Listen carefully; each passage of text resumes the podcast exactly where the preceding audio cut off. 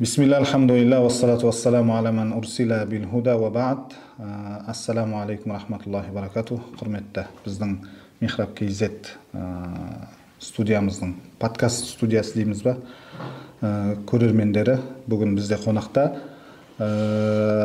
елімізге қазақ жеріне танымал енді бетінше қатты мақтамай ақ қояйын ұстазымыз кішкене жатқаным ғой. Ұстазымыз бауыржан әлиұлы келіп отыр. Және де өнер қырандарының өзіндік бір ерекше жаңағыдай актерлік стилі бар құдірет бауырымыз қонақта. Ауыр сөз.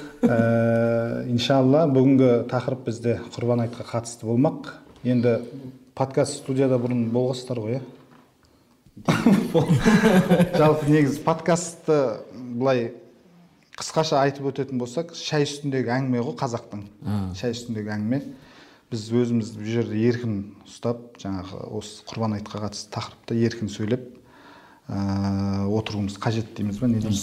Ә, жалпы сондай.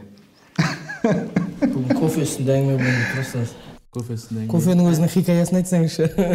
Әлі шай көрген жоқпыз бірақ кофе көріп отырмыз. Енді ол жағы бар енді кішкене болып тұрады ондай енді өзгерістер иә. Машалла. Енді ұстаз ә, сізді көбіміз жаңағы немен жақсы білеміз ғой. Ә, кез келген тақырыптың тарихын егжей тегжейлі қылып айтасыз ғой. Осы құрбан айттың тарихын бір кішкене қысқаша айтып кетсеңіз әдемілеп. Енді құрбан айттың тарихы ә, кез келген құрбан шалған мұсылман қазақтың баласы біледі деп ойлаймын себебі. Пайғамбарымыз саллаллаху алейхи уассалам айтады құрбан шалу ол пайғамбар ибраһим пайғамбардың келе жатқан сүннет деп айтқан сол мағынада айтқан бір хадисі бар. Ибраһим пайғамбар алланың ұлық пайғамбарларының бірі. Ибраһим пайғамбарды алла тағала ерекше сынаған пайғамбарлардың бірі. Пайғамбарлардың көбісі әртүрлі сынақ көрген бірақ ибраһим пайғамбар көрген сынақ ерекше. Ибраһим пайғамбар біріншіден өте кеш бала сүйген пайғамбар. Өте кеш. Өте кеш сүйген пайғамбар болғандықтан алла тағала оған екі ұл нәсіп еткен. Біреуі ысқақ екіншісі исмаил. Ғалымдарымыз айтады риуаят бойынша ибраһимнің исмаилға деген ықыласы ерекше болған. Исмаилға деген. Жалпы мұсылман адам жүрегінде басқа біреудің махаббатын алланың махаббатымен қатар ұстамау керек. Себебі алла тағала өзіне деген махаббатқа ортақ қосқысы келмейді алла. Мысалы сізде өзіңіздің әйеліңіздің басқа біреуді сүйгенін қаламайсыз ғой. Даже тіпті ойлауын да қаламайсыз. Иә. Алла тағала дәл сол секілді ибраһимнің ықыласы исмаилға ауғандықтан дәл сол исмаилдан сынақты берген. Исмаил қатты жақсы көрген Иә. болып тұр ғой сонда ибраһим мысалы ысқақтан емес исмаилдан берген сынақты. Ол заңдылық сондай. Сіз неге көңіл аударсаңыз көңіл бөлсеңіз алла өзінің құлын сүйгендіктен дереу оған араластырмай өзіне қарай тартып алады себебі алла өзіне деген махаббатқа басқа біреуді қосқысы келмейді. Машалла. Дәл сол секілді исмаилға көңіл ауғандықтан алла тағала исмаилді құрбандыққа шал деп бұйырған. Бұл құран кәрімде сат сүресінде ерекше айтылған. Қалай болғандығы барлық ғой бірақ исма ибраһим пайғамбар алланың әмірі болғандықтан орындауға бел буған. Онысында исмаил келіп «Ай, сұраған мен сені осылай құрбандыққа шалайын деп отырмын. Алланың әмірі сен қалай қарайсың исмаил да керемет жауап айтқан. Әкешім алланың саған бұйырғанын орында дейді жасы нешеде болған сол кезде исмаилдың? Жас жігіт қой. Жас жігіт бозбала бозбала біздің қазақша айтқан кезде. Иә. Пайғамбар ибраһим пайғамбар оны ыңғайлап құранда бәрі айтылады бұны егжейлі Иә. тегжейлі құран ыңғайлап шалуға бет алған кезде қолындағы пышақ өтпеген дейді. Иә алла оның орнына көк қошқар түсірген көктен риуаят бойынша. Сол көк қошқарды түсіргеннен кейін алла біз сені сынадық ибраһим сен сынақтан өттің. Ана тұрған көктен түскен көк қошқарды құрбандыққа шал балаңның орнына деп айтқан сол сәттен бастап құрбан шалу үрдісі қалыптасқан. Жалпы. Сол ибраһим пайғамбардың сүннеті деп айтады. Кейбір ғалымдарымыз одан да ары тереңдейді себебі әбіл мен қабылдың әңгімесі бар. Адам алейхисаламның екі ұлы біреуі астық жинайды сол астығын құрбан етеді бір екіншісі мал шалады. Сол мал шалған құрбандығы қабыл болады. Тарих ибраһим пайғамбардан емес ардан басталады деп айтқандар да бар да. Иә. Бірақ негізгі көзқарас ибраһим пайғамбар қалыптастырған. Және ибраһим пайғамбар ибраһим пайғамбардың алейхисаламның сүннеті деп ғалымдарымыз айтады. Қысқаша тарихы осылай. Содан бастап біз ибраһим пайғамбардың жолымен жүрген пайғамбар саллаллаху алейхи уассаламның сүннеті ретінде жолы ретінде мұсылмандар құрбан шалып келеміз. Сол сәттен бастап. Қысқаша осылай. Негізі бұдан хикмет не болған сонда? Хикмет- алла тағалаға ә, шынайы ә, жаңағы мойынсұнатын құл екендігін білдірді ғой иә? Негізінде әмірін орындау деген секілді. Ал негізінде құрбан бар ғой. Құрбан деген сөздің өзі арабша мағынасы жақындау деген сөз. Яғни құл жаңағы төрт түлік малдың ішінен біреуін таңдап алланың разылығы үшін шалып алланың разылығына жақындау алланың разылығына қол жеткізу деген мағынаны білдіреді құрбан деген сөздің өзінің мағынасы солай арабшада. Ә, қазақшада мағынасы соған келеді. Мен сенің құрбаның болайын Мысалы, иә, өзінің адамның жақындығын білдіру үшін мысалы сенің жолыңа жаным құрбан деген сияқты сөздер. Бұлардың бәрі қазақ тілінде айналамда жүрген сөздердің бәрінің түбірі сол жақтан келген. Яғни жақындау мақсатында соның разылығына қол жеткізу мақсатында құл былайша айтқанда өзінің құл екендігін пенде екендігін білдіреді өзінің міндеті құлдың. А, кейбіреулер айтуы мүмкін қазіргі заманда. Оның несі қызық? Мал шалғанның бәленше миллиард мұсылмансыңдар бір жарым миллиард мұсылмансыңдар әлемде қараған қап соясыңдар бір жарым қанша малды қырып жібересіңдер? қанша малды қырып жібересіңдер деп. Жауыздық. Жауыздық деген секілді иә әңгімелер қозғауы мүмкін. Бірақ біздің ханафи мазхабының ғұламалары құрбан мал құрбан малының орнын ақшамен немесе басқа нәрсемен өтеуге болмайтындығын айтқан. Міндетті түрде малдың шалуының міндет екендігін баса айтқан. Да? себебі бұл ә, талқыланбайтын мәселелер. Себебі шариғатта талқыланатын мәселелер бар. Талқыланбайтын мәселелер бар. Мәселен ә, бес уақыт намаз оқыңдар деп алла бұйырған. Неге, жеті уақыт емес? Иә неғып он бес уақыт емес. Алла бес уақыт намаз деп айтқан. Одан кейін алла мысален бесін намазын парыз төрт ракағат неге үш ракағат емес? Білмеймін оның сұрақтары жоқ. Иә оны табуди дейді ол мәселелерді яғни шариғат қалай деп бұйырды солай орындалады. Мұнда да бізге құрбан айттың белгілі күндерінде осындай мал шалынады деп алла тағала бұйырған. Біз де соны орындаймыз. Ұстаз кешіресіз анау жаңағы ә, толық болу үшін не ақшалай болмайды деп қалдыңыз ғой? Иә. қазір адамдардың арасында мынау қазір жағдай карантин режиміндеміз ә, ақшаға біраз зәру болып жүргендер бар қанша кісілер жұмыстары тоқтап тұр. Иә. Ә, соны кейбір кісілер мынандай әңгіме айтады да ә, ол құрбандық шалғаннан гөрі ә, құрбандық шалу міндет болған кісілерге. Иә. Құрбандық шалғаннан гөрі ақшасын бере салған қазір халыққа тиімді емес па деген секілді әңгімені айтады да. А, қараңыз ә, адамдардың ойлау жүйесі қызық та. Құрбандықтың неге құрбандықтың ақшасы садақа ретінде берілу керек? Құрбандық малдың құны берілу керек деген мәселе бар да. Неге сіз оған былай жәрдем бермейсіз? Ағайынға жәрдем беру бөлек. Бөлек іс ол түсіндіңіз ба мысалы ә, мысалы құдіреттің құдіреттің маған жәрдем беруі ол мұсылмандық міндеті шамасы келгенше. Бірақ ол құдіреттің міндетіне кіретін нәрсеге қатысы болмау керек. Түсіндіңіз ба мұсылман кісінің мұсылманға жәрдем беруі бөлек. бөлек әңгіме. Мұсылманның өз алдындағы құдайдың алдындағы міндетін орындауы ол бөлек әңгіме. Түсіндіңіз ба мәселен ә, сен біреудің орнына намаз оқып бермейсің ғой барып. Сен біреудің барып орнына ораза ұстап бермейсің ғой.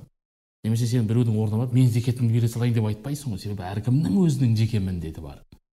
Құрбан шалу біздің ханафи мазхабында уәжіп. Уәжіп пен парыздың арасында бізде соншалықты бір үлкен айырма жоқ ханафиларда. Мен термин ретінде айтып отырмын. Парыз деген бар уәжіп деген бар. Екеуі де міндет қазақша айтқан. Қазақша бұны қысқа қайыру керек екеуі де міндет Орындалмаса, орындалмаса мойнынан түспейді. алланың алдында сұралады. Сондықтан мұсылманның жеке басындағы міндетке араласуға болмайды ол құдайдың алдындағы міндет. Оны алып жоқ оны былай жасай салайық оның былай ақшасын былай жоқ оған кіруге болмайды. Себеп ол оның алдындағы міндеті құдайдың алдындағы. А басқа ағайынға жәрдем беру елге жәрдем беру ол өзінің мүмкіншілігіне қаралатын нәрсе. Міндетке араласуға болмайды. Былай егер оның жағдайы жетіп тұрса уәжіп болады ғой иә ол адамға иә белгілі бір шарттар бар ғой. Иә. Жоқ шарттарына қазір тоқталамыз ғой. Бірақ әңгіме неден туып отыр? Әңгіме оның міндеті ол дұрыс. Өз алдында құдайдың алдындағы жеке міндеті. Ол одан өзі жеке сұралады. Неден емес? Ана істерден бөлек әңгіме деп айтқым келіп тұр. Иә дұрыс негізі сол. Үкімін толық айтып жіберсеңізші кімдерге міндет жаңағы мұсылман болу керек балиғатқа толған болу керек деген секілді. Ханафи Сосын мазхабының нисап мөлшері Иә. мысалы қазір ә, кейбір кісілер тыраштанып оған міндет болмаса да шариғи тұрғыдан міндет болмаса да қарыз алып өйтіп тыраштанып құрбандықты соятындар да бар да мысалы. Ә, барлығы қазір жаппай құрбандық сойып жатыр солардың қатарынан қалғысы келмейді бұл да. жаңағы мысалы жа- жұмаға бармай қалсаң иә себеппен біртүрлі болып қаласың ғой. Іштей өз өзіңді жеп жүресің. Бірақ себебің бар. Сол сияқты құрбан бәрі шалып жатқан кезде сенің жағдайың келіп тұрған жоқ. Бірақ сонда да менде осындай ой болды да. «Е, алла маған әйтеуір алла беріп жатыр ғой біреуден алып мен шалып жіберсем кейін анаған бере саламын ғой оған жағдайым жетеді ғой деген нәрселер. Соны кімге міндет кімге міндет емес? Ә, біздің ғұламалар бірнеше шарт қойған. Құрбан шалудың уәжіп болу үшін құрбан шалудың мұсылман кісіге міндет болу үшін бірнеше шарттар қойған. Ең әуелгісі мұсылман болу керек. Екіншісі ол кісінің бәлиғат жасына толу керек. Бәлиғат жасы деп отқанымыз ә, ер адам 15 жасқа қыз баласы. Әрқайсысы толады ол. Әркім әр, әрбір адам әрбір баланың табиғатына физиологиясына байланысты нәрсе. Сондықтан мысалы 12 дейік 10 дейік әркім әртүрлі толады. Ә, дегенмен бәлиғат жасына толған. Бізде жаңағы қазақ айтады ғой. 13 жас. Отау иесі. Отау иесі деп. Бізде қазақ 13 деп қайырған. Фих бойынша 15 бізде 13 жасында бабаларымыз үйленген де бар 15 ол ең соңғы ең соңғы шегі, ғой ең соңғы иә, шегі. ең соңғы шегі. егер де жаңағы табиғи құбылыс болмаса иә несінде 15 жас деп бекіткен иә. онда 15 жаста шариғи үкімдер бекітіледі оған. Иә. Біз қазір енді сәл заман өзгерген соң біртүрлі болып жүрміз ғой негізі әйтпесе 13-тегі 15-тегі жігіт қой негізі. Иә. Мысалы үйлендірсең отбасы болатындай ә, немере сүйетіндей просто кейбіреулер тұқымына қарай мен сияқтылар. Ше он үште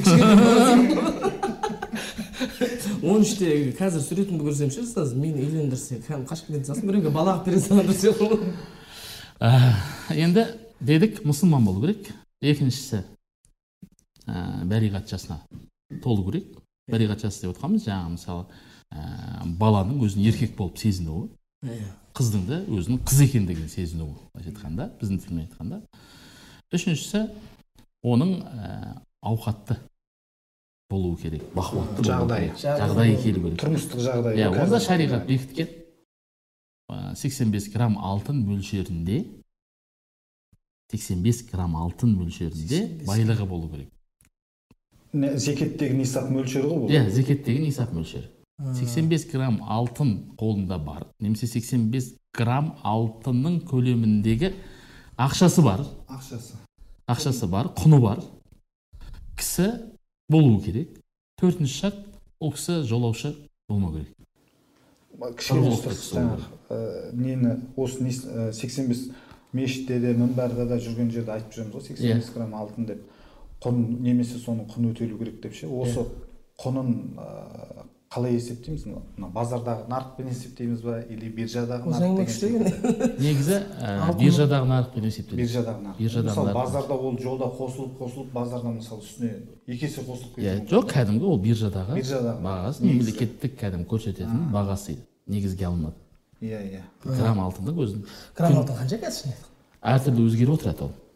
Он алты мың. Кәдімгі білмейді екенсің иә қазақстан ұлттық банкінің несіне кірсеңіз ол күнде көрсетіп тұрады. Қанша грамм бір грамм алтынның неше мысалы он екі мың жеті жүз он үш мың бір жүз ол есепті сонымен жүргіземіз иә иә. Таза алтынмен есептейсіз. Сол алтын көлемінде қаражатыңыз болса кейбір ғалымдарымыз күміс деп айтқандар бар. Иә имам абу ханифаның көзқарасы бойынша имам абу ханифа көбіне негізі кедейлердің ә, жаңағыдай жағдайларына тура келетіндей қылып есептеп отыратын болған да. Мысалы қай заманда қай ғасырда қайсысы арзан болады сонымен есептеу керек деген нәрсе бар емес пе ұстаз? Иә иә. Имам абу ханифаның иә, пікірі иә. бойынша. Күмісті де негізге болады. күміспен есептеу керек болып тұр ғой сонда. Күміспен күміспен есептесек біраз адам құрбан шалайын деп тұр да. Иә. Иә алтынмен есептесеңіз алтынға ілінетін адам аз болып қалады да. 85 грамм орта есеппен мысалы 15 мың деп есептей салатын болсақ ұстаз иә? Бір миллион Миллионнан екі жүз асады ғой. жетпіс бес мың теңге Иә. сенде тұрмыс тіршілігінен бөлек ақша тұру керек қой Иә. иә. иә. Қарызыңнан бөлек бірақ оның секілді. бір шарты бар. Зекетте зекетте оның үстінен бір жыл өту керек. А құрбанда ол саналмайды. Иә иә. Жетсе. Жетсе болды. Зекетті өтейтін кезде жету керек. Одан бөлек ол сол бір миллион мысалы жаңа бір миллион қанша екі дедіңіз жүз жетпіс бес мың. Бір миллион екі жүз жетпіс бес мың тағы бір жыл тұру керек та ол. Келесі жыл айналып бүйтіп ә, мұсылманның күнтізбесі бойынша айналып келген кезде мына жерде сол бір миллион екі жүз жетпіс бес мың тұру керек. Бірақ арада оның көтеріліп түскені әсер етпейді да. Нөл болып қалмау керек ең бастысы арада нөл болып қалмау керек. Ол жүз мыңға түсуі мүмкін екі жүз мыңға түсуі мүмкін. Бірақ келесі жылға бүйтіп осы уақытқа айналып келген кезде сол тұру керек қой Иә. ұстаз иә дұрыс па? Бұл зекетте. Ал енді ұстаздың айтып жатқаны құрбандық шалуда жетсе болды. Қолға бір миллион екі жүз жетпіс бес мың тисе болды оның бір жыл тұруы шарт емес та. Құдірет былай да? Машина бар базарға сатасыз қалтаға он мың доллар түсті. Төрт миллион теңге қалтаңызда бар. Шаласыз. А біреуге үш миллион қарыз болса ше қарызыңыз бар сияқты соған қарап. Онда мен ұстаз мына темаға кірмей тұрайын мен кірмей деген болған десең. Жоқ егер де біреуге қарызың болса ол сен қатысың жоқ болды. Түсінікті. Демек айттық ол. Шартты айттық ә, күмістің мөлшері қанша болу керек? Күмістікі қанша еді? Айтсаңыз сразу есептеп беремін ғой естен шығып тұр.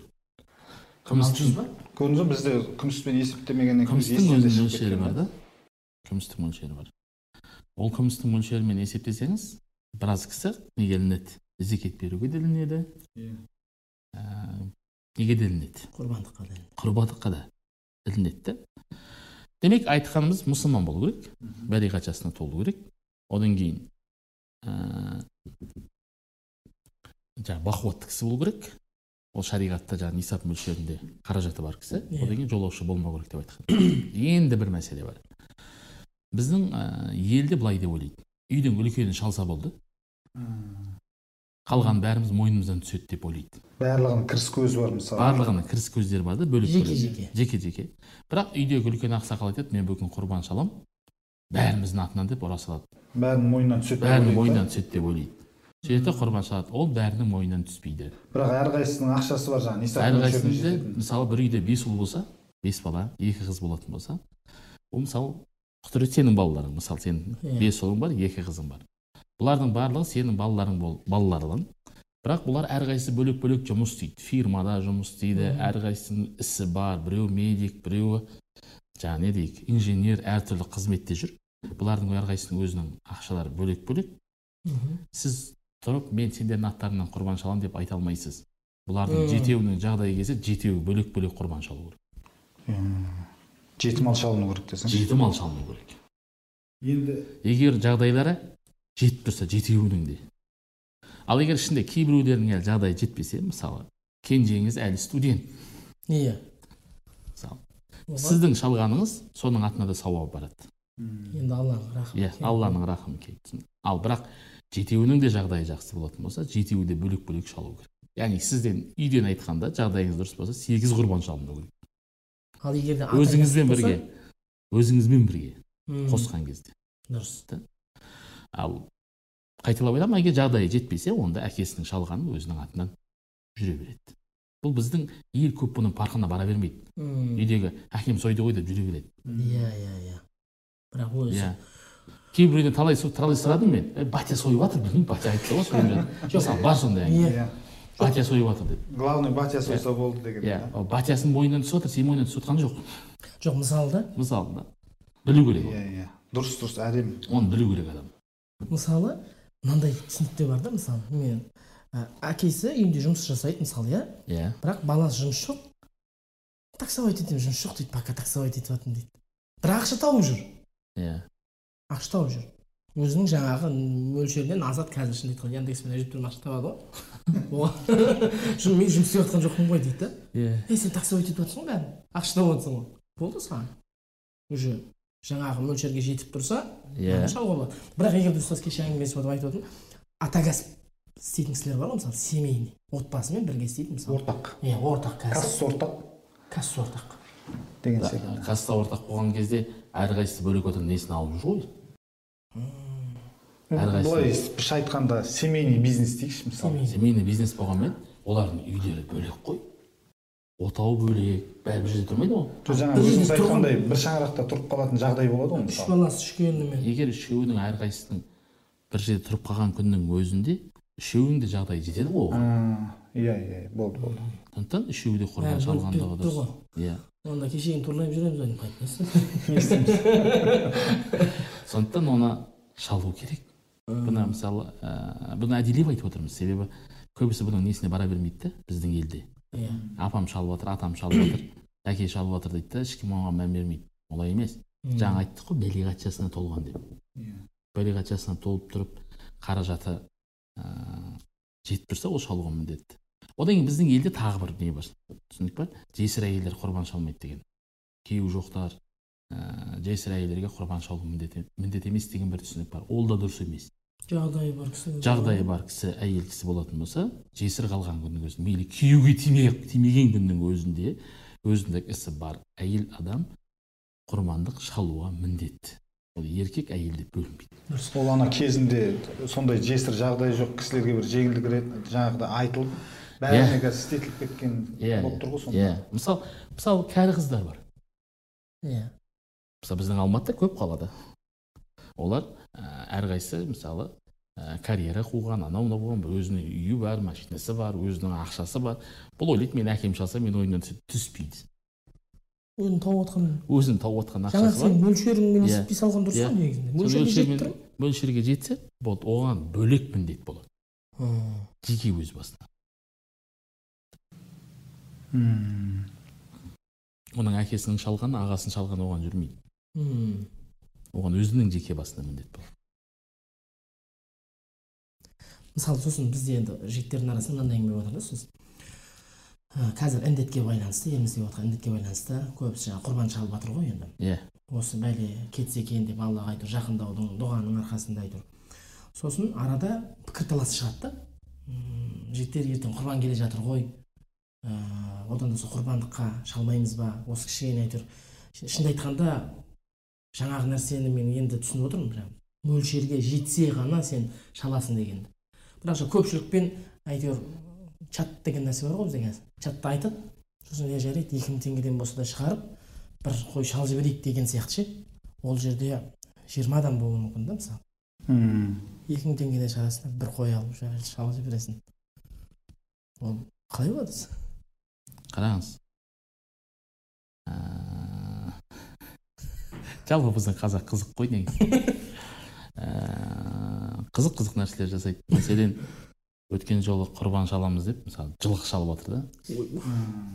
Мысалы да жылқы құрбандыққа жүрмейді. Мынау індетке байланысты. Індетке байланысты жаңағы жылқы шалып жатыр да. Ниет жақсы. Иә. Қазақтың ең жақсы малы ол сөзсіз жылқы. Иә. Ә, өзіміз де жылқының етін жақсы көреміз оны жеп өстік қой. Бірақ жылқы құрбандыққа жарамайтын мал.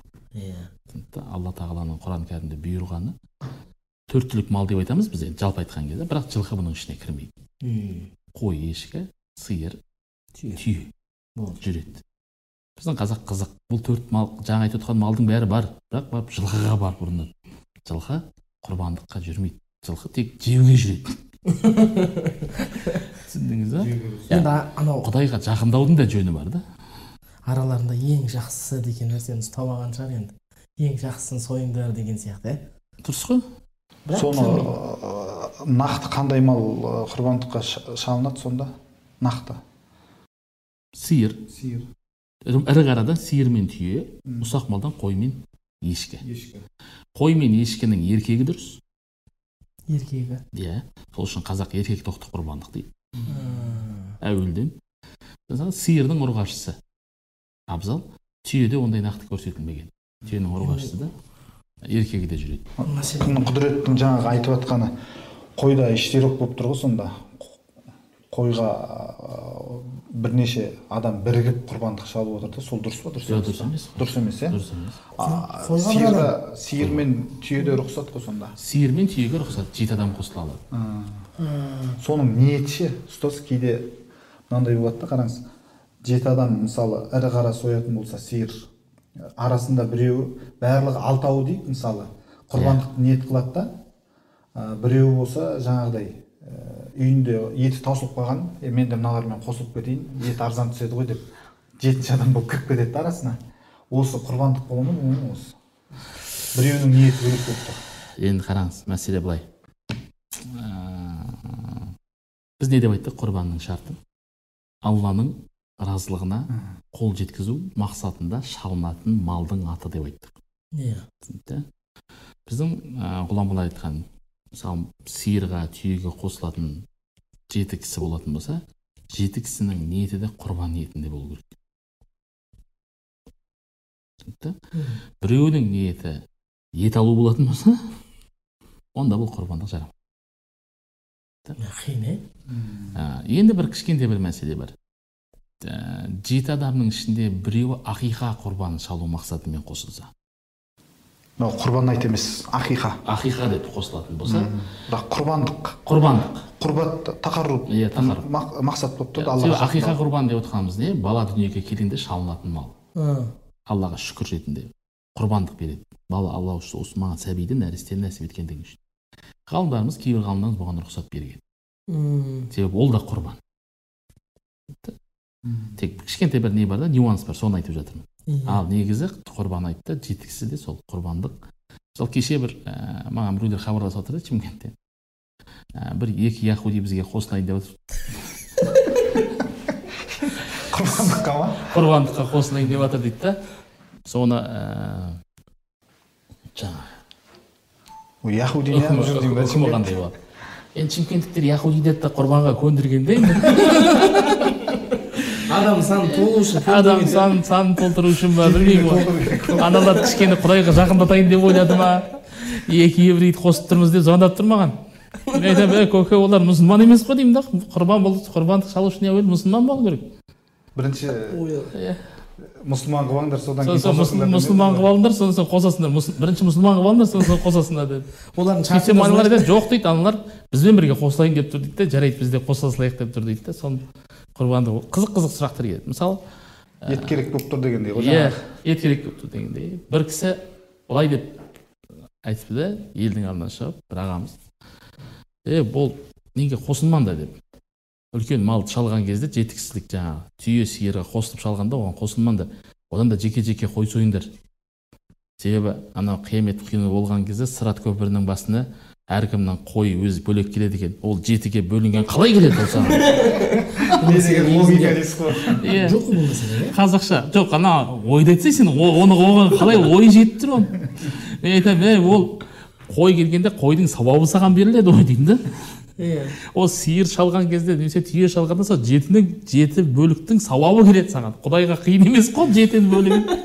Сауабын саған алып ақиқат қалай келеді деп тұр ғой иә мысалы қалай сонда сиырды қалай бөліп аласыңдар деп тұр ғой құдайдың алдында құдайдың алдына барғанда қалай бөліп аласыңдар деген әңгіме болып тұр ғой ә, бағана бір нәрсе айтылмай кетті ол күмістің несі еді мөлшері мөлшері күмістің мөлшері 200 дирхам біздің шамамен 595 грамм күміс бес жүз тоқсан бес грамм иә 595 граммды күнделікті жаңағы ұлттық банктің немесе тағы да басқа күмістің бағасын алып соған көбейтсеңіз сол баға шығады. Сол бағадан не аласыз? Зекеттің жаңағы құрбандық шаласыз. 595 грамм. Қанша теңге қазір күміс мың екі жүз ба? Или алты жүз ба? Ә, неде? Аз болған ғой күміс алмағалы банк көре салайық. Иә сіз банкті көріп айтсаңыз болды дайын тұр ғой. Көрсеңізші жоқ сіз банкті айтсаңызшы мен калькуляторым дайын тұр калькуляторыңыз ба күмістің баласы иә? Жоқ жалпы ше жаңағы ұстаз мысалы мен жаңа індет мәселесін айттым ғой иә? Иә. Ол кезде шынымды айтқанда оның шарты осы сияқты болу керек па жоқ ол әшейін. Ол- иә, ол- жерде он адам жиырма адам екі қой шалды ол елдің әшейін нәпіл ниеті ғой. Ықылас иә ал бірақ құрбан құрбан туралы айтып отырмыз біз. а, ертең құрбандық келе жатқан кезде жеке ша- шанаң жетіп тұр ма? Жеке шаласың ал қосыласың ба? ірі қара шаласың жеті ақ адам. Иә. Болды. Дұрыс әйтпесе екі мың теңгеме құтылып кетейін деп тұрмын ғой шама соған жетті. Жаңа ең бастысы бізде анау арада көп әңгіме жүреді ғой не шартты біліп алған дұрыс қой. Ең бастысы ниет қой Ниет дейтін нәрсе. Арзандап кетті күміс қат. Үш жүз үш теңге болып кетті ғой үш жүз үш теңгені алты жүз тоқсан бес бес жүз тоқсан беске көбейтіңізші. жүз сексен мың екі жүз сексен. Міне жүз сексен мың екі жүз жүз сексен мың теңгесі бар жүз адам сексен мың теңгесі бар адамға құрбан құрбандық шалу құрбандық шалу міндет болып шығады. Сосын зекет мәселесінде де егер жаңа жыл толса оларға да зекет зекет берген дұрыс имам абу ханифа иә себебі ғалымдар айтады да қазіргі заман біздің ханафи мазхабының ғалымдары айтады адамдарға зекет беруді үйрету керек дейді түсіндіңіз ба то есть адам мысалы жаңағы бес жүз тоқсан бес грамм алтыны бар адам мысалы делік те жүз сексен бір мың теңгесі бар адам ол мен зекет беретін адамның қатарына жатамын деген не. Ой болу керек. Ой. Себеп ә, зекет берген дұрыс та. Алғаннан гөрі берген дұрыс. Адамгершілік тұрғысынан да шариғат тұрғысынан да солай болып есептеледі. Пайғамбар саллаллаху жаңағы хадис бар ғой алушы Иә. қолдан беруші қолы абзалырақ деген сияқты. Дұрыс қой. Иә. берген қол алған қолдан хайырлы артық. Әрине артық. Себебі ә, алу деген тек не емес қой. Ә, өзіңнің кісілігіңді төмендетіп барып аласың ғой. Біреуден бір нәрсе алған кезде де. Иә. Ладно жоқ деп қалмаса болды. Иә. Ол сіздің жаңағы індет кезіндегі олар нәпіл құрбандықтар. Біз кәдімгі міндет болған құрбандықтар туралы айтып жатырмыз иә. Сол елдің тасаттығын айтып жатсыз жаңағы жан Иә, иә. үшін біздің індеттен құтылу үшін ол бөлек әңгіме біз айтып жатқан нәрсе бұл кәдімгі арнайы. міндет болған иә ханафи мазхабында уәжіп деген ә, мойнында мұсылман кісінің міндеті. Болып табылатын құлшылықтың түрін айтып жатырмыз екеуі екі бөлек нәрсе орындамаса күнә орындалса күнә соны ет, еттерін ше еттерін тарату мәселесі толықтай алып қалу не болмаса үшке бөліп жоқ, құрбандықтың еті былай ғой құрбандықтың еті үшке бөлінеді деп айтады негізі сүннет бойынша оны мысалы бір бөлігін отбасыңызға қалдыруыңызға болады бір бөлігін ағайын туысқа бір бөлігін көршілерге беруге болады мысалы немесе тұтастай беруге болады. Немесе егер кедей адам болатын болса біршама бөлігін өзі де пайдалануға болады. Ғалымдар рұқсат берген. Енді бұл жерде тағы бір мәселе бар. Нәзір құрбан дегендер болады. Нәзір. Нәзір? нәзір етіп қойған. Нәзір дегеніміз мысалы менің ә, балам оқуға түсіп кетсе екі қошқар шаламын деген. Мысалы балам аурудан айығып кетсе бір қой шаламын. Деп мысалы адам өзіне серт береді. Бұны нәзір дейді. Нәзір құрбандарынан егер нәзір еткен болатын болса оның етінен еш нәрсе алуға болмайды. Толықтай берші толықтай береді. Енді тағы бір мәселе бар. Бұл біздің қазақ көп істейді бұны. Нәзір ма? Жоқ. Мен қазір айтамын қазақтың тағы да қандай көп нәрсені Қазақ қазақтар атасының анасының атынан көп шалады құрбан. Иә иә иә. Атамның атынан әкемнің атынан бабамның атынан деп құрбан шалады. Біздің кішкене кейбір жерлерде проблема бар бабамның әруағы үшін деп олар бабамның әруағы үшін емес ол негізі бабамның атынан деп құрбан шалуға болады. Бабасының атынан алла үшін. Алла үшін шалады иә. Кішкене анау ләпіздерін иә сөздерді сөздерін де реттеп жүру керек та түсіндіңіз ба? Мысалы бабамның атынан емес бабамның әруағы үшін емес бабамның атынан алланың разылығы үшін шалып жатырмын. Атамның атынан алланың разылығы үшін шалып жатырмын. Шешемнің атынан алланың разылығы үшін құрбан шалып жатырмын деп ниет етсе ғана болды. Жүре береді міне осы осы жерде ханафи мазхабының ғұламалары айтады атаңның бабаңның әкеңнің шешеңнің атынан шалған құрбандар бар ғой. Егер олар өсиет етсе менен кейін мен өліп кеткеннен кейін менің атымнан құрбан шалып тұрыңдар деп айтса осының етін өзің пайдалануға болмайды деп айтқан ғалымдар бар. Түсіндіңіз ба? Толықтай таратып жіберген дұрыс. Толықтай таратып жіберген дұрыс. Себебі оның атынан кетіп жатыр М, ол сенікі емес. Бұны дәлелдеп айтып отырмын? Өсиет. Иә өсиет. Өсиет етсе де етпесе де деп айтқандар бар. Иә. құрбан шалуға болады. То есть мысалы сен мысалы мен әкем а, мысалы бабам дүниеден өтіп кеткен әжем атынан өтіп кеткен бірақ мен әжемнің атынан шалуыма болады. Әжемнің атынан алланың разылығы үшін міне осының етін толықтай таратқаным дұрыс Иә. болады. Пайдаланғанымнан гөрі түсінікті? Өйткені сол кісінің атынан Иә. шалып тұрсың ғой иә. Сосын анау ақша мәселесі бар ғой сол жерде. Ә, сол өсиет еткен кісінің ақшасынан не немесе жаңағы құрбандық артында жаңағы қалған кісінің құрбандық шалатын кісінің өзінің ақшасынан қалтасынан шыққан ақша болса деген. Иә иә бар. Мынанікінен болса өзінікінен болса мысалы жай жаңағы атасының ә, дүниеден өткен сол жақынның атынан шалса жей беруге болады ғой негізі. Иә, болады. өзінің қалтасынан шықса ақша. Өзінің қалтасынан шықса. Ал егер өсиеттен артта қалған мүлкінен және өлген сол кісінің өсиет қалдырған адамның ақшасынан болатын болса мүлдем болмайды. Иә. Бірақ негізі негізі таратылған дұрыс. Себебі ол кісінің атынан сауабы толық барсын деген иә иә сен пайдаланбайсың ғой былайша айтқанда ә, әкеңнің атын пайдаланып оның атынан шауып оны өзің ал қазақ негізі оны істемейді таратады негізінде. Иә. Таратқан дұрыс. Бірақ қайталап айтамын ниет дұрыс болу керек. Бабамның әруағы үшін емес бабамның атынан алланың разылығы үшін құрбан шалуға деп айтқанын ниет еткендігі дұрыс болады. Дұрыс. Сосын құрбандық шалып жатқан кезде ә, көбіне ауылда ә, орын алатын жағдайлардан ғой жаңағы бас сирағын терісін ә, қасапшыға ұстатып жібереді ғой. А. Ақысымен қоса.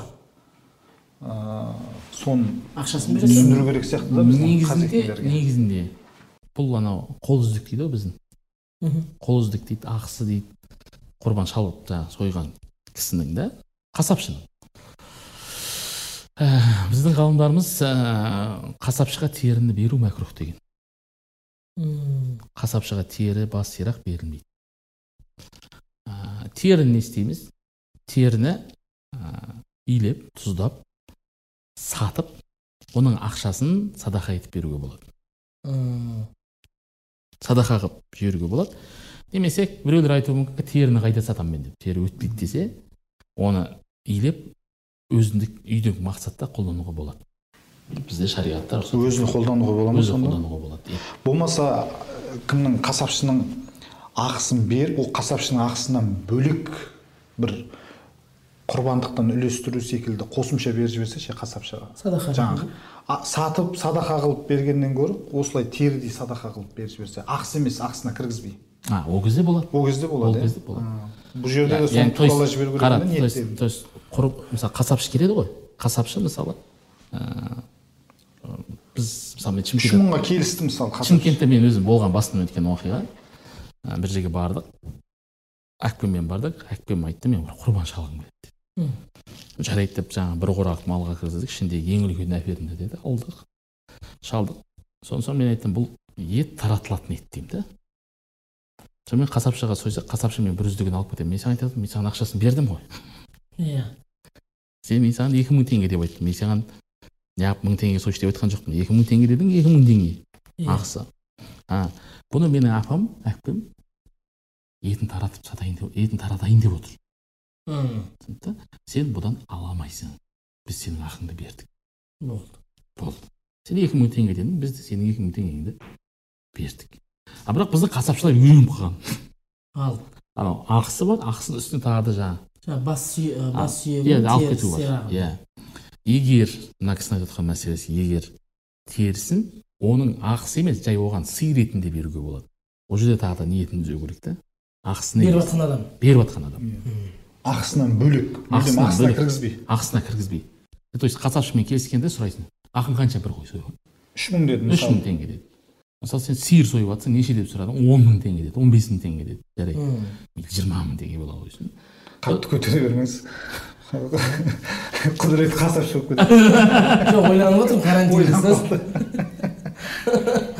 эх ай құдірет ай оған да ет керек қой бір күнде қасапшы болып кеткенсің ғой бір екі малды бұзғаннан кейін өзім мысалы дейді да бағасы келсе сол бағасынан артығын талап етуге болмайды сен өзінің ісіңнің ақысын алу керексің да өзің жасаған істің міндеті мысалы қасапшы өзі мал сою болса мал союдың ақшасын алуы тиіс ал егер де сіз қарап мен қасапшы делік иә сіз келдіңіз бірақ сіз бұл шартты білмейсіз негізінде мен сізге айтамын негізінде мынау бір сойып жатқан жігіттер болады ғой ішінде шариғатта хабар бар сіз маған мынаны хадия қыласаңыз десе нені ақысын берді иә бес мың теңге қой сұрап алып жатыр иә Иә. и өзі айтып жатыр мына терін не істеймін дейді. Аға сіз бұны маған ниет қылып хадия қылып бере салыңыз А онда болады ғой. Ана кісі білмейді да. Мына кісі нұсқап жіберіп жатыр. Иә болады ғой. Анау ниетін туралайды да. Жарайды алып, мына алып, хадия. алып кете береді иә. Жөн сілтеп жібереді. Ақысы емес бірақ ақысынан бөлек нәрсе. Бұл хадия болып кетеді. Иә, ол хадия садақа болып кетті уже иә? Иә. Дұрыс. Ұстаз иә сөзіңіз айтыңыз осы мәселеде мысалы құрбан шалынатын кезде баға көтеріледі қатты.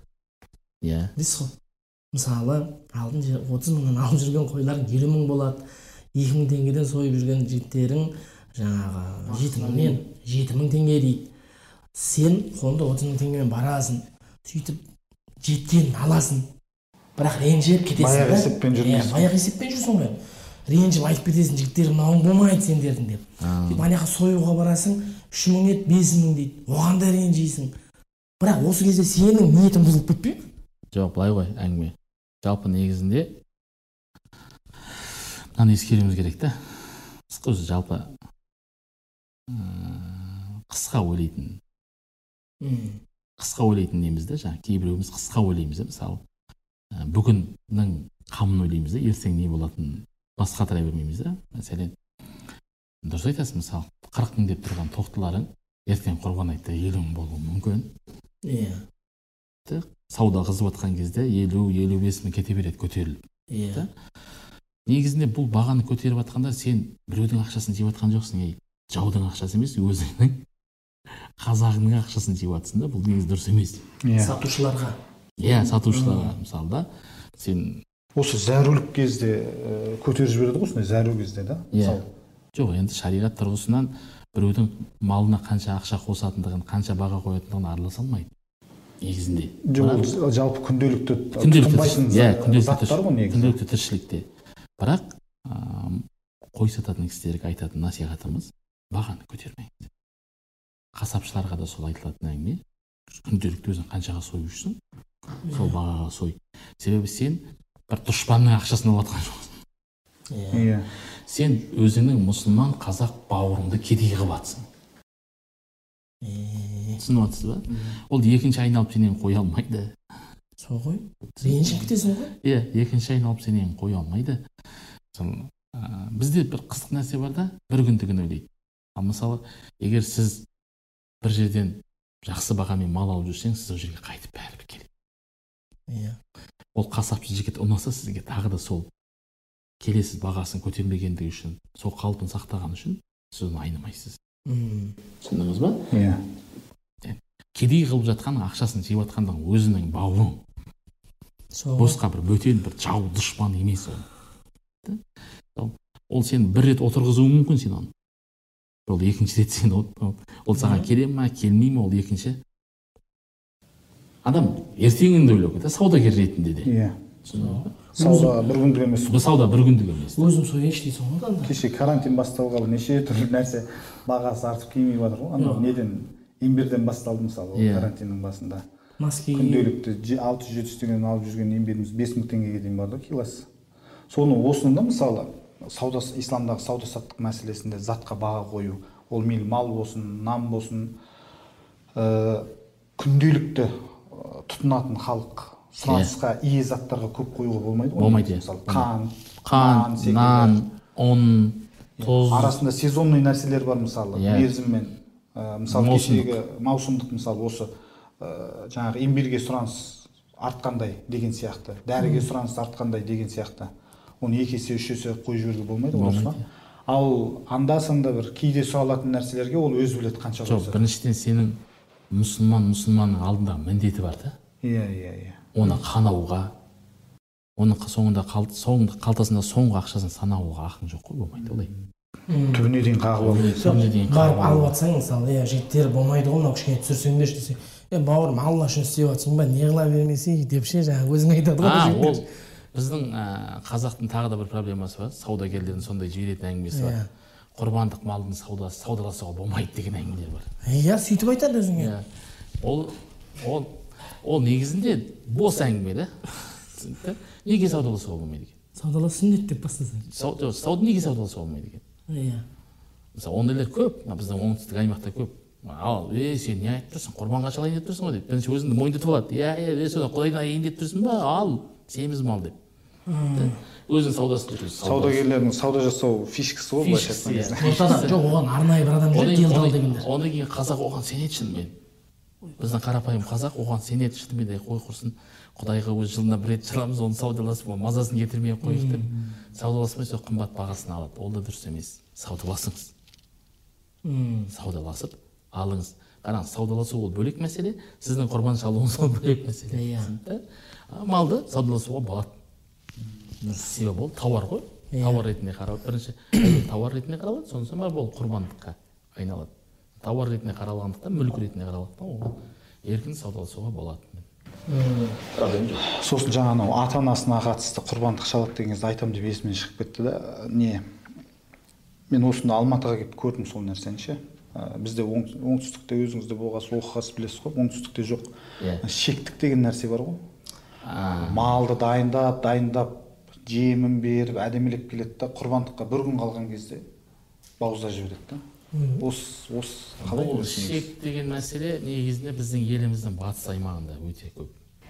Алматыда сондықтан келген осы алматыдан көрдім ғой мен. негізгі батыстың әңгімесі ол. Жаңа асекең қарағандыда да бар деп жатыр. Біздің батыстың аймағының бар ғой жер жерде бірақ қазақта бар да ол нәрсе. Ол құрбан айттан бір күн бұрын шалады да дайындап келіп жаңағы семіртіп келіп семіртіп келіп шалады бұл жаңағы үлкен аталарының деген кісілердің атынан ба? Қайтыс болған кісілердің мысалы жақын бір, бір кісі қайтыс бола ма сол үш жыл береді екен ғой кейбір кісілер. Иә. үш жыл қатарынан шектік шалады. Мысалы бір кісінің атасы дүниеден өтеді осы жылы. Мынау бірінші құрбандығы бірінші құрб айттығы былайша айтқан кезде. Сөйтті ол осыған шектік дайындайды ғой мал дайындайды. Ірі қара ма не қой ма? Осы ә, бір құрбандыққа бір күн қалған арапа күні ғой былайша айтқан кезде. Арапа күні алады да. Сойып жібереді сойып жібереді ғой. Дәл осылай үш жыл жасайды екен да. Бұл шектік деген нәрсе негізінде бағана біз айтқан мәс айтқандай болатын болса яғни атамның көрінісі орындалу формасы жобасы. Яғни мен атамның атынан алланың разылығы үшін шалам десе М, болады. болады. Бір күн бұрын болса. Да. атам үшін емес. Тағы да қайталап айтамын. Атам үшін әжем апам үшін емес. Алланың разылығы үшін атамыздың атынан шаламыз десе шектік. Шаламыз десе бұның шариғатқа қайшылығы жоқ. Бір күн бұрын болса да иә бір күн бұрын болса. Себебі ол садақаға кіреді құрбанға кірмейді. Жай таратып жіберу керек. Нәпіл құрбанға кіреді. Нәпіл құрбанға кіреді. Енді құрбан айтта құрбан айт ертесіне оған тағы бір қойысу міндет болады. егер шамасы жететін болса мөлшеріне жетіп иә, тұрса. шариғаттың мөлшерінің талабына сәйкес келіп тұрса оны тағы да үстінен атасының міндеттеледі жоқ ол өзінің атынан. Өзінің атынан. Атасының атынан бөлек Ол кетті, нәпіл болып ол кетті. кетті. Ал егер жақ- шектік деген мәселе шариғатқа негізі қайшы емес. Бірақ бағанағындай шарттармен орындалуы. Мысалы бай кісі келіп бақуатты кісі атамның атынан шектік беремін. Беріңіз қабыл болсын. Бірақ ертесіне құрбан шаласыз бөлек. Тағы да. Тағы да. Міндет. Міндетті түрде. Себебі біздің тағы қазақтың қателесетіні біз шектік шалдық болды деп жүре береді. Болмайды ол. Иә шектік ол нәпіл құрбандық. А мынау құрбан айттың бірінші күнінен бастап сіздің мойныңызға міндетті құрбандық жүктеледі. Да? Сондықтан анау бөлек әңгіме мынау бөлек әңгіме а екі мынаған шариғат сізге рұқсат бергенмен мынаны сізге міндеттейді жүктейді ғой. Шектікке рұқсат етілгенмен сауап мақсатында а мынау сізге міндеттеледі құрбан айттың бірінші. Былайша айтқанда екі құрбан шаласыз жағдай жетіп тұрса бір адам бір сиыр сайлап алады ғой иә? Салады ал жағдайы жетіп тұрса құдірет. Мен қажылықта көрдім. Қазақтың байларының жүз сиыр шалғанын көрдім. Бірақ ә, кейде ойлайсың сол құрбан біздің елде шалынса қалай болар еді? деген әңгіме. Ол өзі жоқ қажылықта жүрген жоқ. Осы жақтан сол жақтан барып Жіберіп жатыр ғой. ана жаққа түйе шалдырып жатыр да. Сол жақтан. Өзіміздің жерде ш- шалатын болса қанша қазақтың жаңағы жағдайы төмен тұрмыстық жағдайы төмен қазақтың проблемалары шешілетін мен жүз түйе деп бұны басқа байларды да көргенмін басқа ұлттан шыққан. Бірақ мен қазақтан шыққанда бірінші рет көрдім сондай. Жағдай жақсылары сол жақта сауабы молырақ болсын деп. сауап молырақ болсын деп иә. Бірақ бізде де қаншама мұқтаж отбасылар иә бізде де жетеді ғой сауап бізде де жетеді. Алланың рахымы кең былайша айтқанда сауап іздесең бізде де бар. Сауап іздеу үшін бір жаққа барып шетелге барып қажеті жоқ осы жерде де. Иә. Біздің елімізде де жетеді атқаратын болса. Сонда негізі дұрысырағы абзалырағы. Иә. Бұл енді ол кісілер сол жақта шалған абзалырақ деп ойлап жатыр ғой енді. Иә иә. Сауабы көп болады сауап көп болады деп негізгі абзалырағы мынау өзіміздің елде. Өзіміздің елде иә әрине. Өзіміздің елде шалған шалып өзіміздің жаңағы жаңағы әңгіме құдіреттің әңгімесінен шықты ғой бір кісі бір құрбан шала ма деген бір кісі бір құрбан шалына ма деген. Ал мысалы пайғамбарымыз саллаллаху алейхи уассаламның өзі жүз түйе шалған соңғы қажылығында аллаху акбар. Кейбір риуаят бойынша алпысын өзі шалған қалғанын али шалған. Ол да пайғамбарымыздың бұйрығымен ол да пайғамбар өкілдік. Өкілдік иә иә иә. Сіз бір нәрсе сұрақ есіме түсіп кетті да мен құрбан шалайын деп тұрмын. Иә.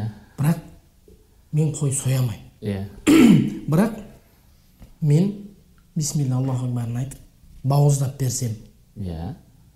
Иә болады ма? Болады. Болады. Егер бауыздай алмасам ше? Бауыздай алмасаңыз былай істейсіз. Малдың басына келесіз да қасапшыға айтасыз қасапшы сізден сұрайды. Құдірет сен маған өкілдігіңді бересің бе деп айтады. Сіз айтасың иә өкілдігімді бердім дейсіз. Сосын ол бисмилля аллаху акбар деп шала береді. Ә, мысалы бағана айттық қой. Кейбір кезде жесір әйел шамасы жетіп бақуатты жесір әйел немесе күйеуге шықпаған қыз әлі. Қыз дейміз ғой біз күйеуге шықпағанды күйеуге шықпаған қыздың шама, ша- қаражаты жетіп тұр шамасы келіп тұр. Егер құрбан шалатын болса ол қыздың шалуы шарт емес. Иә. Басына тұрып қасапшыға айтып мен сізге өкілдігімді бердім дейді бұл айтылу керек айтылу керек. Ниет етілу керек? Себебі қасапшының қаса- қасапшы тек қана бар болған орындаушы сол істі. Иә. Өкілдігіңізді бердім ба бердім дейді болды шала береді құран оқымаса құран оқудың қай- қай- несі жоқ оның? Қайшылығы жоқ. Ол жерге. Бірақ ә, егер мал көп шалынып кетсе жерде қан. Сыртта отырады ғой. Иә.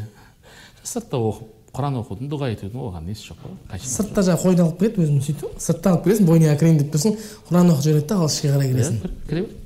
Жоқ. әдемі сыртында палаткада бір кісі отырады.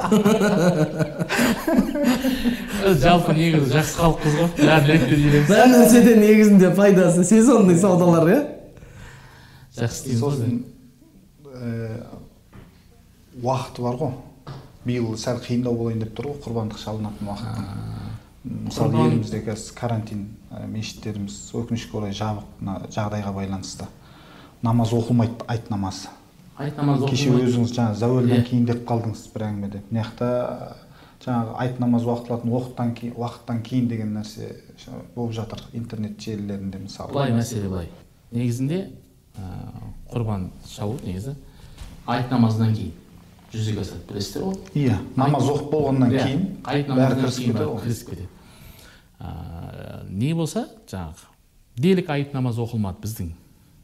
Жағдайымызға қатысты мысалы қазір індет болып жатыр. Мысалы кеше муфти хазірет шығып мысалы айт намазы оқылмайды деп айтты. Жариялады. Енді біліп отырсыздар жағдайды. Індеттің таралу қаупі бар тағы басқа нәрселер деген сияқты вот еліміздің үкіметтің талабы. Ә, талапқа да бағынамыз. Бірақ енді құрбан шалуымыз керек. Ханафи мазхабында екі көзқарас бар.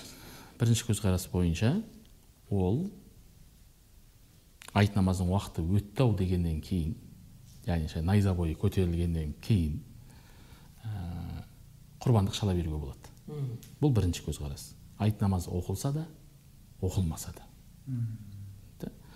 екінші көзқарас егер имам бола тұрып имам айт намазы өткізілмесе айт намазы оқылмаса онда зауалдан кейін құрбан шалу зауал дегеніміз не зауал деген күннің дәл тас төбеге келуі төбеге келуі бесін кіретін уақыт. Бесінгенің алдында бір 15-20 минут болуы мүмкін. Иә. содан кейін барып жылжиды да. Содан соң барып құрбан шала беруге болады. Бірақ кеше біздің муфтият айт намазының уақыты өткеннен кейін құрбан шалуға беруге болады деген үкім берді. Біз де соған соның негізінде әрекет етуіміз керек. Бірақ ана пікір де бар. Иә иә. Мен сіз кеше зәуелден кейін деген әңгімені айтқаннан кейін қарап тағы үшінші пікір тауып келдім ғой. Бір елде мүлдем айт оқылмайтын болса таң намаздан кейін шалынады деген. Иә иә ондай да бар ондай да бар. Егер мүлдем оқылмайтын болса. Иә, иә. егер жұма намазы оқыл тағы да ол жерде шарттар бар. Егер мүлдем жұма намазы оқылмайтын нелер болатын болса аймақтар болатын болса деген секілді. Бірақ негізінде ертең құдай қаласа кірсек құдай қаласа құрбан айт келіп жетсе оған аман есен жетсек айт намазының уақыты шамамен өтті ау деген уақыттан бастап құрбанымызды шала береміз. Шамамен. Машалла машалла. Сол ы, өзіміздің қара шаңырақ қазақстан мұсылмандар діни басқармасындағы Иә. көрсетілген уақытпенен шаламыз иншалла иә. Құдай қаласа. Алла бұйыртса иншалла. Енді ә, осы ертең бір о- басталып жатыр жайлап ә, мына интернетте ә, құрбан айтты қалжыңға айналдыратын картиналар шығады. Бір екі күн қалғанда ертең қайнайды жаңағы. Бір қой қолына пышақ ұстап тұрса екінші қой арғы шетте тығылып тұр деген секілді мені құрбандыққа шалмасын деп. Осыны осылай қалжыңға айналдыру қаншалықты дұрыс осы құрбандықтың бір ә, дәмін жаңағы мағынасын қашырып алмаймыз ғой осы нәрсені жасаумен. Негізінде мына нәрсе- құлшылықты қалжыңға мына айналдырған нәрсені мына нәрсені білу керек та мысалы. Ә, қалжыңдайтын жер бар. Қалжыңға айналды қалжың әзіл қалжың мысалы. Құрдастардың арасында қалжың бар. Ә, жеңге мен қайынның арасындағы әңгімелер бар біздің қазақта. Ә, өзінің қатарластарының арасында қалжың бар өзінің достарының арасында қалжың бар. Мен бұл бөлек бір әңгіме. Шариғатта қалжың бар күлу бар көңіл көтеру бар. Бірақ бұның өзінің шеңбері бар? Иә мысалы біздің қазақтың өзінде туған жездеңмен ойнатпайды. Қазақтың өзінде туған жеңгеңмен қатты ойнатпайды. Алыс арасы екі үш ата бар немере шөбере болатын жездермен ғана ойнатады. Оның өзінде не бар? Қалжыңның себебі сөз деген нәрсе қиын ғой. Мысалы бәрі ол туған ғой. Да? сөз ол жақсы айтылса кәнекей кейде жақсы шыға бермейді ғой. Біреудің біреудің көңілін қалдырып кетесің. Ағайынның арасында көңіл қалдыратын сөз айтуға болмайды шариғат бойынша. Жалпы. Ойнасаң ойна бірақ шеңберін ұста. Шеңберін ұста. Дұрыс. Ал енді шариғи мәселелерді ойынға айналдыруға болмайды. Біз не деп айттық? Негізінде құрбан алланың разылығына алланың разылығына жақындау үшін шалынатын мал деп айттық. Алланың разылығына қол жеткізу үшін. Сондықтан ә, құрбан ол ойнайтын же мәселе емес. Мен білемін ол суреттерді. Ана а, қойдың аузынан шығарып сөз шығарып қойған. Мен жоқпын. Құрбан айттан құрбан айттан кейін кездесейік деген сияқты. Әңгімелер жаңағы сондай сияқты. Ә, негізінде бұндай әрекетке барудың қажеті жоқ. Себеп тағы да қайталап айтамын бұл ойнайтын мәселе емес. Ә, бұған кәдімгі байсалды түрде біздің тілмен айтқанда серьезно жасалатын іс әрекет болғандықтан бұндай іс әрекеттерге баруға болмайды. Мынау сайт жүргізетін инста парақшаларды жүргізетін Иә, пабликтер э, солар соларға сақ болу керек енді өте иә? көбіне сондай жерлерден шығады ғой бір одан да біз оның ә, құрбан айттың құрбанның жалпы шалудың артықшылығын айтуымыз керек. Қанша сауап беріледі? Бізге қандай пайдасы бар? Одан кейін қазір мынандай жағдай. Оның етін таратайық. Жоқ жітікке. Мен сізге қазір шынын айтайын мысалы ә, оңтүстіктің мен кеше ғана мысалы оқып жатқандарым хабарласып жатқандар мысалы үйде жейтін бірнеше айдан бері ет жемегендер бар. Түсіндіңіз ба? Мысалы кеше бір оқып жатырмын бір журналистің жазбасын. Мысалы бір жеңгем айтады дейді жаңағы тауықтың етін жеп жатырмыз бірақ тауықтың еті ол тауықтың аяғын барып сатып аламыз үш төрт аяғын ол қойдың етіндей нәр бермейді ғой деп. Да? Иә? Қазір біз жаңа тыпырлап жатырмыз иммунитетті көтеру керек деп. Иммунитетті көтеру үшін не керек? Қазаққа ет керек. Сорпа ішу керек ет жеу керек. Сондықтан оны әзіл қалжыңға айналдырғаннан гөрі осы ет құрбандықтың неғұрлым көбірек шалынуына үлес қосуымыз керек. Соны көбірек айтуымыз керек. Шама иә шамасы жеткендер тек бір қоймен шектелмесін айттым ғой жаңа. Түйе шалсын шамасы жеткендер сиыр шалсын бірнеше қой шалсын таратсын. былайша айтқанда осы кезде бермегенде қашан бересің? Бұл біріншіден құрбан айттың пайғамбар саллаллаху алейhi айтады шалынған қойдың қылындай сауап беріледі дейді. Бір қойдың үстіне қанша қыл бар өзіңіз ойлаңыз. Соншалықты сізге сауап беріледі дейді. сондықтан осы мақсатты көбірек айтуымыз керек. Қазір осындай жағдайда біздің ел әлі де бұның мынау індеттің қайтатындай түрі көрінбейді. Да мысалы мұсылманшылығы дамыған мемлекеттерде құрбан өте көп шалынады. Содан соң оны жинайды. Арнайы тоңазытқыштарды. Кейін соларды деполап жинаған соң депоға қойып жинаған соң оны кейін барып қорда кәдімгі? Қорда кәдімгі? Сосын барып сол жерге тарата береді. Түсіндіңіз ба? Мысалы ет көп болып оны бір күнде тарата алмасақ не істейміз деген әңгіме бар. Иә. Түсіндіңіз ба? Мысалы бір жерде ет көп шалынады оны тарата алмаймыз тарата алмасақ не болады деген әңгіме болатын болса оны жинап бірақ сол құрбан айттың үш күннің ішінде шалып оны тоңазытқышта жинап кейін мұқтаж жандарға бөліп беріп жыл бойы төлеп бөліп бере беруімізге болады. Иә. Бұл да біздің ел көп біле бермейтін мәселенің біреуі дұрыс.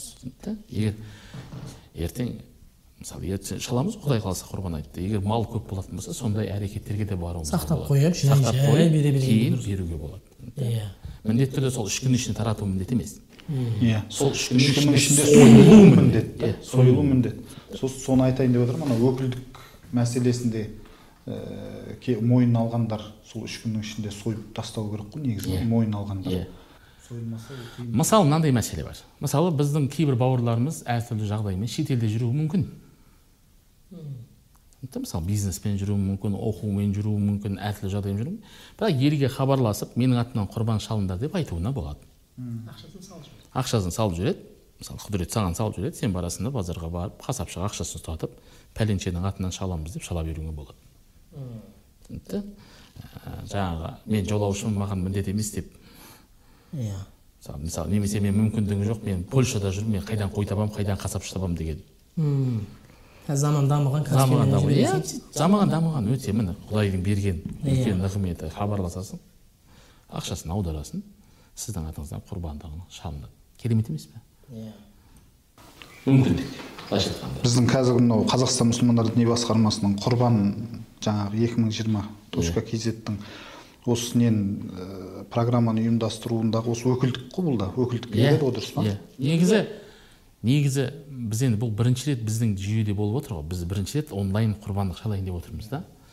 Негізінде ә, көп нәрсені үйретіп отыр ма карантин? Карантин негізінде ә, шетелде мысалы малайзия индонезия түркия мұсылманшылығы дамыған мемлекеттерде құрбан шалу жүйесі әбден қалыптасқан. Иә иә мықты қалыптасқан. Мысалы ә, мен түркияда көрген тәжірибемді айтайын. Түркияда мысалы алматыда алматыда ә, көп қабатты үйлерде тұратындар көп та этажный үйлерде тұратындар көп та бұлардың құрбан шалуға мүмкіндігі болмайды. Түсіндіңіз ба мысалы сіз екеуміз этаж үйде тұрамыз. Иә. Этаж үйде құрбан есіктің аула ауладың алдына келіп құрбан шалмайсың ғой енді. Да? түркияда құрбан шалу процесі құрбандықтан бұрын төрт ай бес ай бұрын жүреді. Түсіндіңіз ба дайындалады. Мысалы балдың бағасы айтылады. Мысалы қырық мың теңгеден құрбандық шалынады. Деп басталады. Сөйтіп акция жүреді. Сіз төрт ай бұрын қырық мың теңгеңізді аударып қоясыз. Ба құрбандық күні келіп жеткен күні этаж үйден түсіп барасыз да қасапхананың алдына барасыз да малыңызды шалып мынау менің қойым деп шалып кете бересіз. Бұл жүйе керемет біз де соған келуіміз керек. Түсінікті? Біз де осыған келуіміз керек. Сосын ұстаз жаңа етті тарату мәселесінде бір нәрсе есімнен шығып бара жатыр да анау өзге дін өкілдеріне етті үлестіруге бола ма? Мысалы ә, көршіңіз орыс иә. басқа дін өкілі мұсылман емес. Иә. Соларға кішкене бір бөлігін апарып берсе бола ма сол құрбандықтан? Ә, жалпы ә, шариғатта ә, оған рұқсат етіледі. Мысалы сіздің көршіңіз орыс болса христиан дінін ұстанған. Христиан дінінің өкілі болса немесе яхуди болатын болса еврей болатын болса ода тұрған ешнәрсе жоқ. Пайғамбарымыз саллаллаху алейхи вассаламның сахабаларынан бұл өте көп риуаят келген. Христиандарға бергендіктері туралы ә, еврейлерге яхудилерге бергендігі туралы риуаяттар бар. Ода тұрған ешқандай құрбандық малынан құрбандық малының етінен беруге болады. Және не үшін? Себебі оны да әйтеуір ислам дініне мұсылманшылыққа бір қадам болса да жақындатып мұсылманшылыққа деген көзқарасын жақындату кім біледі? Себебі себебі кез келген іс әрекет жақсы айтылған сөз уақытында жасалған іс әрекет біраз нәрсені өзгертетіндігін сіз бен біз өте жақсы білеміз ғой. Алла разы болсын. Ұстаз. Әмин алла разы болсын а бағана бір мәселе бар. Бағана құдірет бір нәрсені айтты біз оған мән берген жоқпыз. Біз бағанадан бері ә, құрбандықты шамасы жететін адамдар туралы айтып жатырмыз. Енді құрбандықтан ә, біздің қазақ қалмайтындар бар да. Елдер шалып жатқан кезде біз неге қалып қоймайық деп әйтеуір жаңағы қауғаланып қарызданып шалатындар бар да. Шариғат жалпы оған міндеттемейді ондай кісіге. бағана бақуатты деген нисап мөлшеріне шамасы жетпейтін кісіге құрбан шалуды міндеттемейді. А біреу бірақ біреу құдайдың разылығына жетемін деп көштен қалмаймын деп шалса оған сауап жазылады. Оған сауап жазылады. иә соны соны. Тыйым салуға да болмайды. Тыйым салуға да болмайды. Иә шариғатта тыйым салмаған оған. Бірақ өзі өзі бар күшін салып оны біздің қазақ істейді. Оны біздің қазақ істейді. Себебі біздің қазақ ең болмаса құдайға осы құрбан айтта бір жақындайықшы деп бір мал шалады. Онысы да қабыл болсын. Шариғат оған қарсы шықпайды. Бірақ қайталап айтамын міндеттемейді. Міндеттемейді екен деп біреулер істеп жатқан күннің өзінде алла оған сауабын береді. Енді ö- бірінші рет келіп отырсыз ғой енді. Бүгін мынау бірінші отырысымыз. Ә, соны енді өзіңізден бір ә, бата алып қалсақ. Ә, батаңыз сіздің сол батаңызбен. Отырысымызды тәмамдасақ иншалла. Біріншіден алла тағала аман есен құрбан айтқа сіз бен бізді жеткізсін құрбан айттың қуанышын көруді жеткізсін. Шалған құрбандықтарымызды алла қабыл етсін.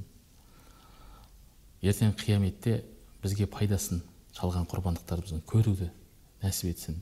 Мына еліміз мына індеттен аман есен шығуы нәсіп етсін.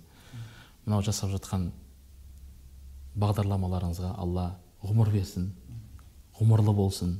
Бізде көбінесе бағдарламалар ашылады бірақ өкінішке орай жалғасын таппай жатады.